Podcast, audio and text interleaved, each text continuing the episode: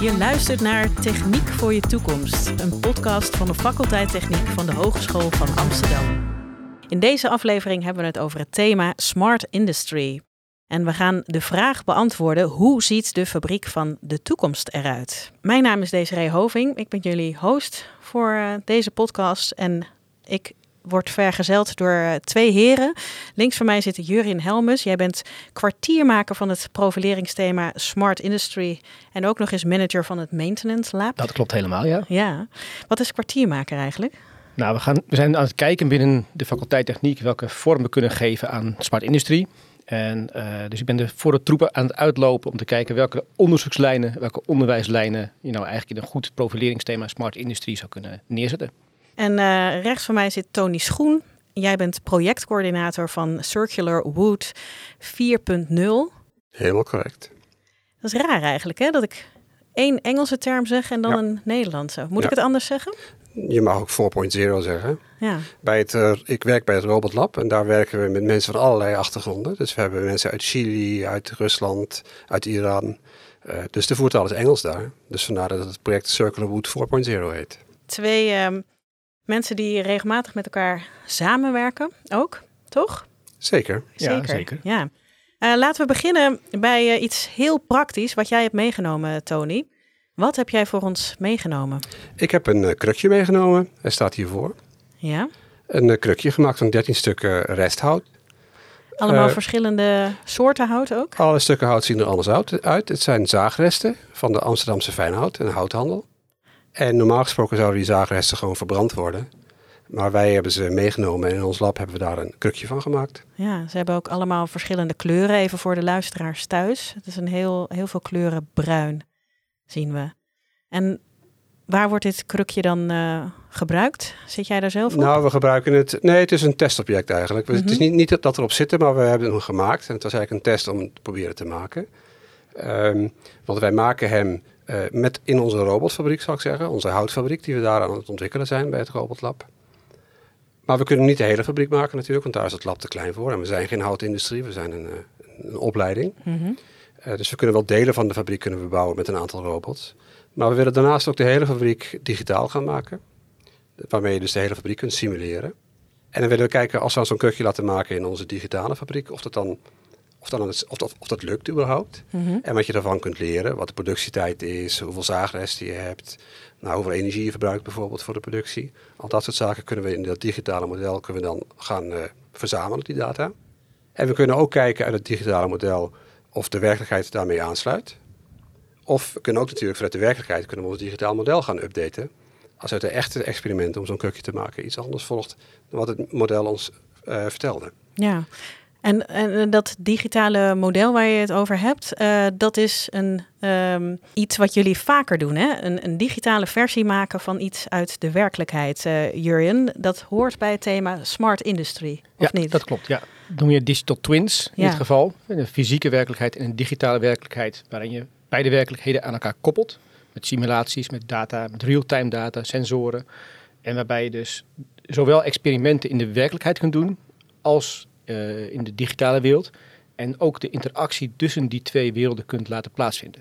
Eigenlijk precies wat Tony al aangeeft. Je simuleert wat er zou kunnen gebeuren in een uh, in digital twin. En dat ga je uitvoeren in die werkelijkheid. En Ja. vice versa. Ja, Ja. ze kunnen van elkaar eh, leren. Dan even over dat, dat thema waar jij kwartiermaker van bent, Smart Industrie.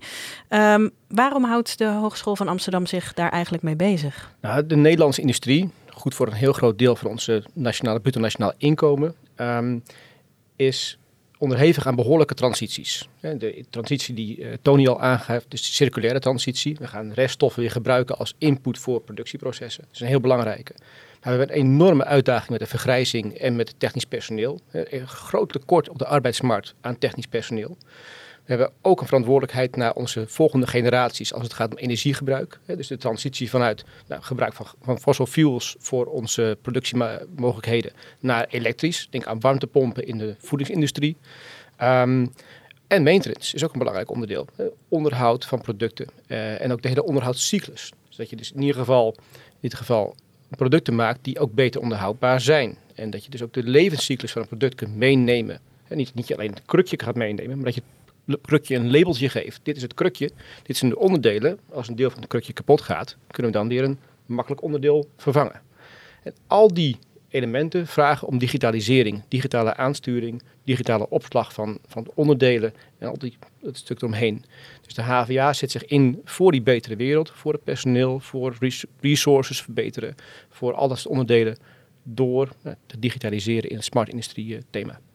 Ja, en, en met uh, smart, ja, de, de, naam zegt het eigenlijk al, je wil op een slimmere manier die fabrieken aansturen.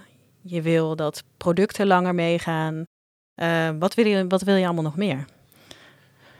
Wat we nog meer willen? Um, nou, het is wel interessant. Dat is ook wat je in ons onderzoek typisch op de HVA tegenkomt. Wij willen iets, we zijn een University of Applied Sciences. Dus wat mhm. wij willen is MKB-bedrijven, maakbedrijven helpen met die digitale transitie. En dat kunnen we do doen door het voor te doen, door het samen te doen en door het zelf te laten doen. Die, die, die thematiek zit er heel erg in. dus we gebruiken robots om te meten, experimenteren, uh, om vervolgens de software die we maken te deployen bij, nou, in dit geval, bedrijven die dat kunnen gaan gebruiken. Kun je een voorbeeld geven dan van een industrieel proces wat je digitaliseert?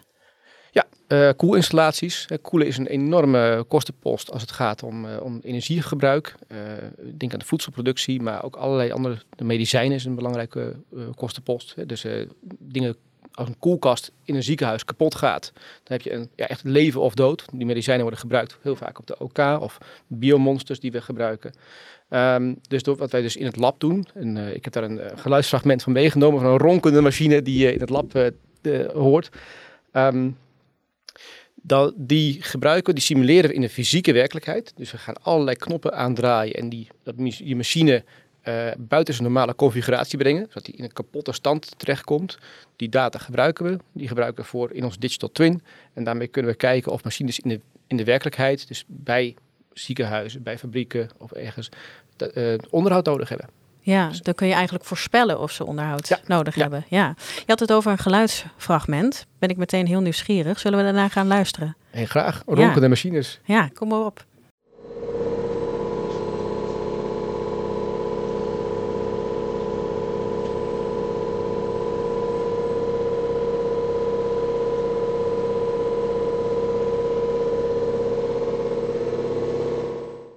Dit was de ronkende machine die we in de, de HVA hier hebben staan. Waarom is het geluid zo bijzonder?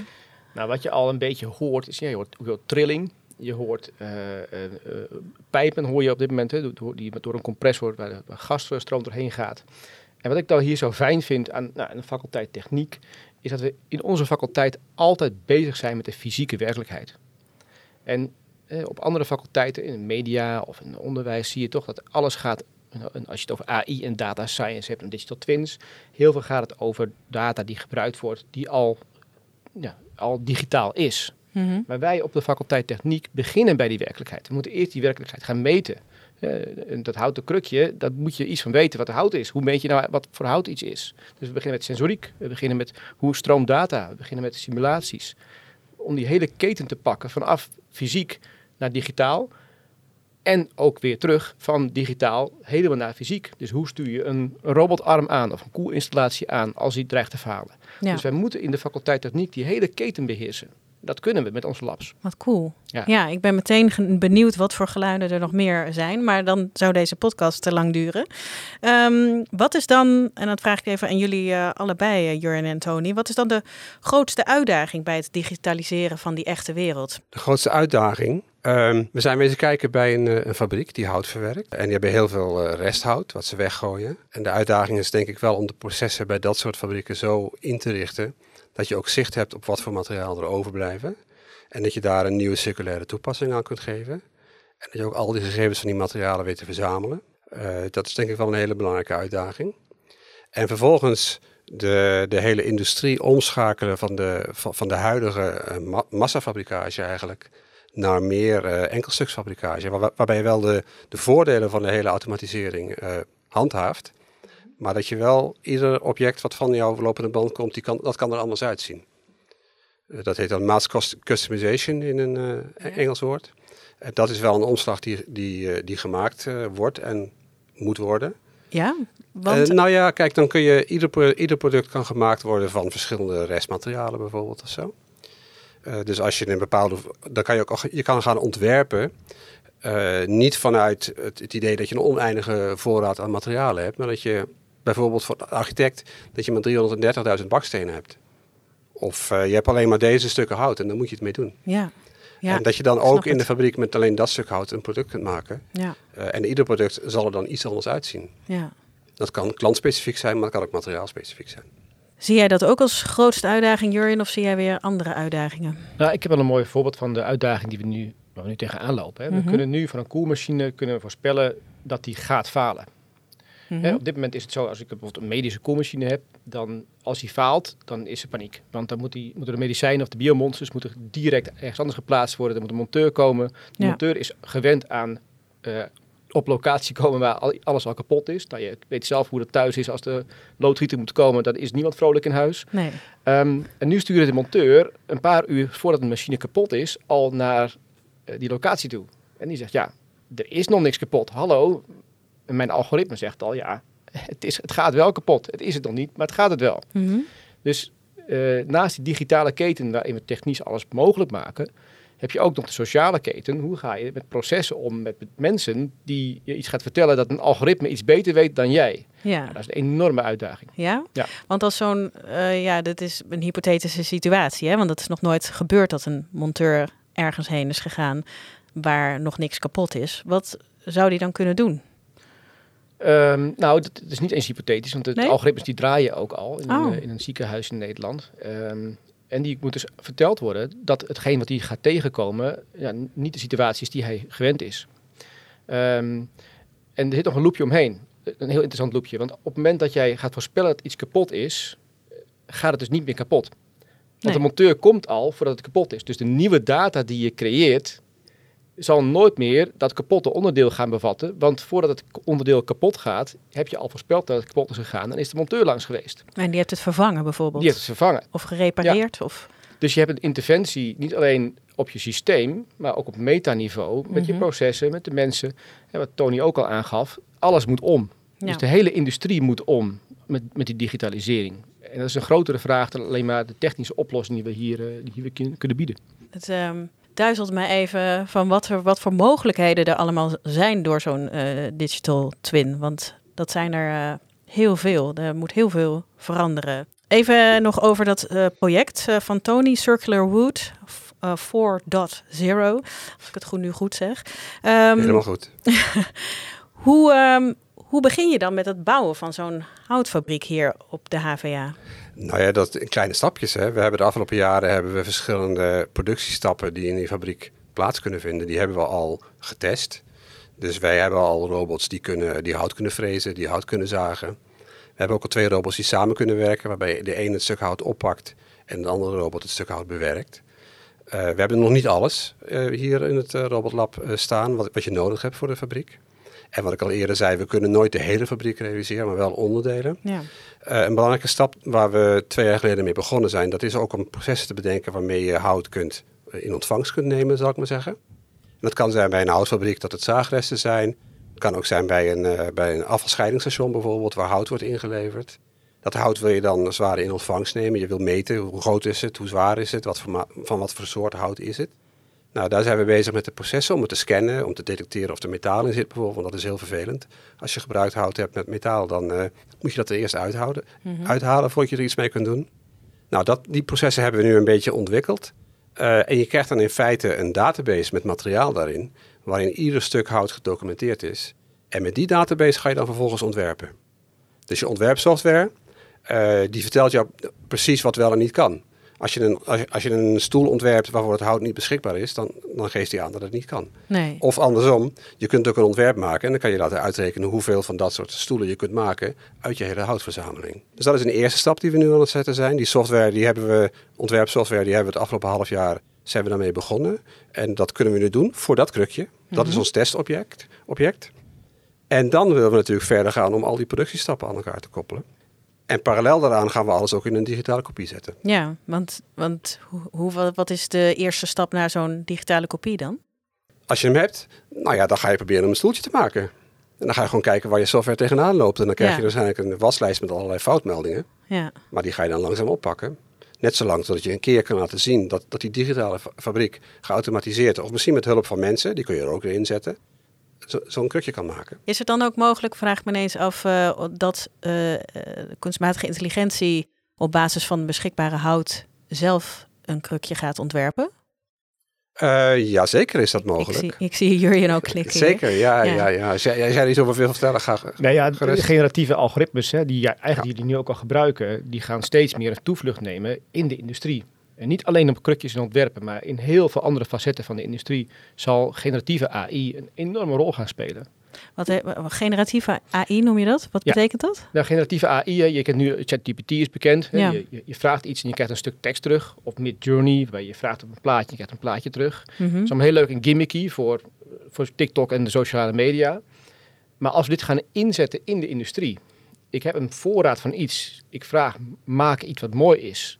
En doe mij gelijk de bouwtekening. En je vraagt aan een systeem, doe me dan ook gelijk de instructies om te maken. Mhm. Wat echt technisch mogelijk zou moeten zijn. Dan kun je dus heel snel opschalen in die digitale fabriek. Nou ja, stel eh, even, even weer naar de maatschappij. Eh, wat kun je dan naast zo'n krukje nog meer doen met dat resthout op een grotere schaal? Recentelijk zijn, we- zijn wij eh, in een Europees project gestapt, wat nu vier jaar gaat lopen.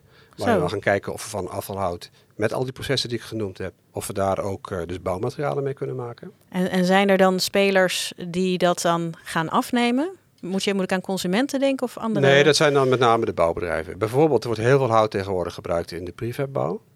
Dat we, dat we woningen in de fabriek gaan bouwen, want we moeten zoveel woningen realiseren. Dat gaat te langzaam als je het alleen maar buiten doet. In de fabriek kan je dat veel sneller doen. Eh, dus er is een trend om heel veel eh, hout te gebruiken voor dat soort woningen.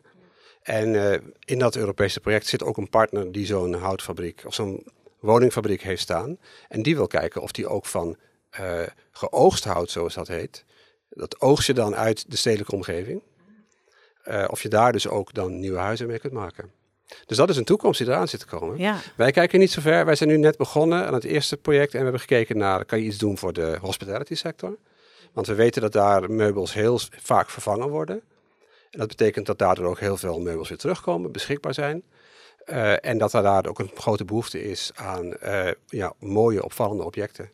Dus we hebben gekozen om met die sector door te gaan. Ook omdat in Amsterdam is er een, is er een samenwerkingsverband om eh, circulaire hotels te, meer, de hotelketens meer cir- circulair te maken. ja. Oh, mooi. En wie weet zien we dat krukje dan in een van die ketens terug dat zou wel eens kunnen. ja. uiteindelijk. Ja.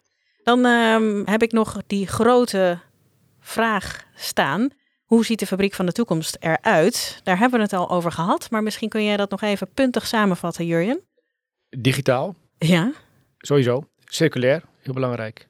Duurzaam in zijn resourcesgebruik. Dus niet zoveel op fossil fuels, maar meer op eh, elektrisch met opwek. Denk aan lokaal gebruik van opgewekte PV-energie in je fabriek. Afgestemd op een klant. Met verschillende instromen. Dus hè, verschillende soorten instroom die er is. En verschillende uitstroom aan die kant.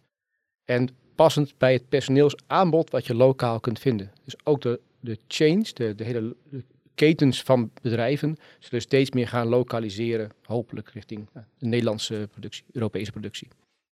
Ik zou nog veel langer met jullie willen praten, maar ik ga jullie eh, heel erg bedanken voor nu. Eh, Tony Schoen en Jurjen Helmes. Dank jullie wel voor deze podcast over smart industrie. Dank je wel voor het luisteren. Dit was Techniek voor je toekomst, een podcast van de faculteit Techniek van de Hogeschool van Amsterdam. Vond je het een leuke aflevering? Abonneer je dan in je favoriete podcast app.